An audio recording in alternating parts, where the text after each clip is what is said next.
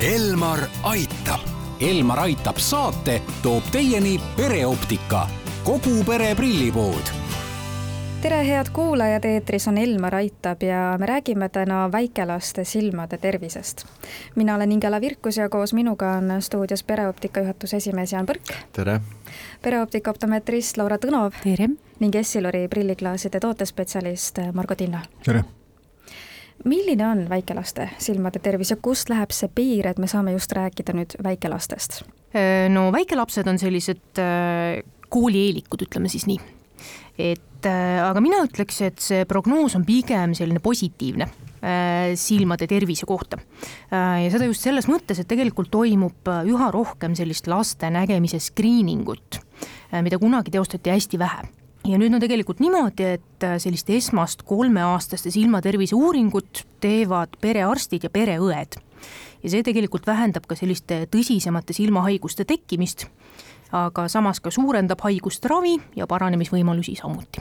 Eesti oftalmoloogide selts tegelikult sõidab ka sellise screening'u bussiga ringi ja, ja seal täpselt samuti juba no väga palju selliseid probleeme avastatakse ja kui on probleem avastatud, siis on palju hõlpsam äh, neid probleeme peatada.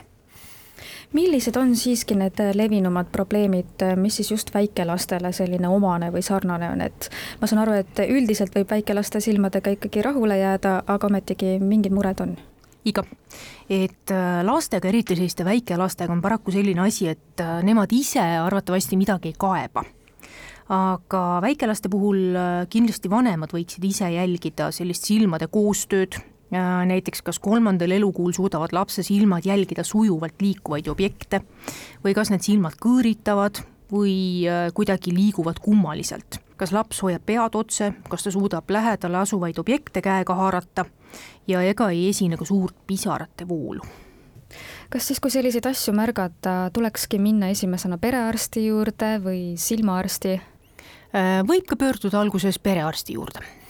Tegelikult äh, meie optometristina annavad ka nõuandeid, et aga päris ütleme, väga väikeste lastega on prillipoodides raske, sellepärast et meie need instrumendid asuvad ikkagi sellise täisealise inimese kõrgustel ja meil selliseid spetsiaalseid äh, lisandeid, mis lastele vajalikud on, on, aga aga põhimõtteliselt optometristid oskavad kindlasti selle probleemi olemust märgata ja anda soovitusi siis, et on vaja pöörduda missuguse silmaarsti juurde, et et mida rohkematest kohtadest osata küsida, seda kindlam on see, et õigesse kohta jõuab aga need kaebused, mida Laura välja siis tõi, mis neid põhjustab? Äh, neid põhjuseid on hästi palju erinevaid.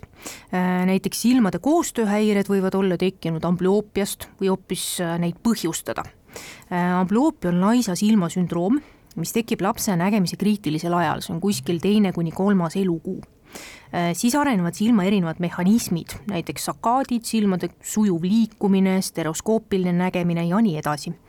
ja kui sellel kriitilisel ajal ei saa silm või silma põhjas olevad rakud piisavalt stimulatsiooni ehk siis valgust, siis tegelikult aju tasandil see silm kas osaliselt või täielikult lülitub välja.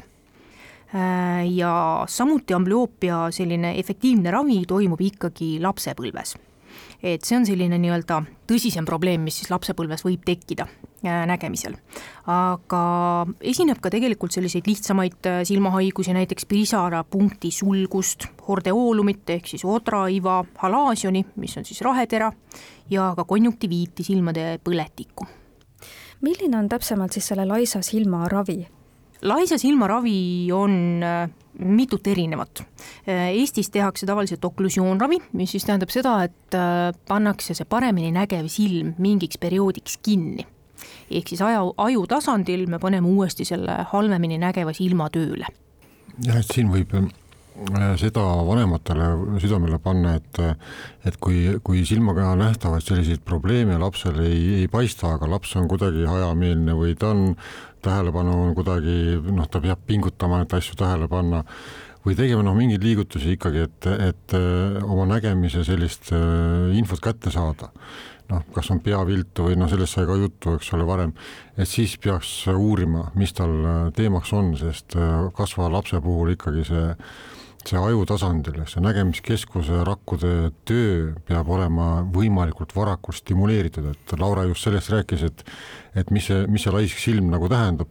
see tähendab seda, et see üks silm või mõlemad silmad ei saa piisavalt informatsiooni selleks, et rakk saaks oma tööd tegema hakata. ehk vot tal on vaja seda õiget stimulatsiooni ehk õigeid äh, äh neid tugevusi silma ette ja õigeid selliseid impulsse, et tajus hakkaks see info õigesti tööle me jätkame oma saadet juba homme kell kaksteist nelikümmend viis. Elmar aitab.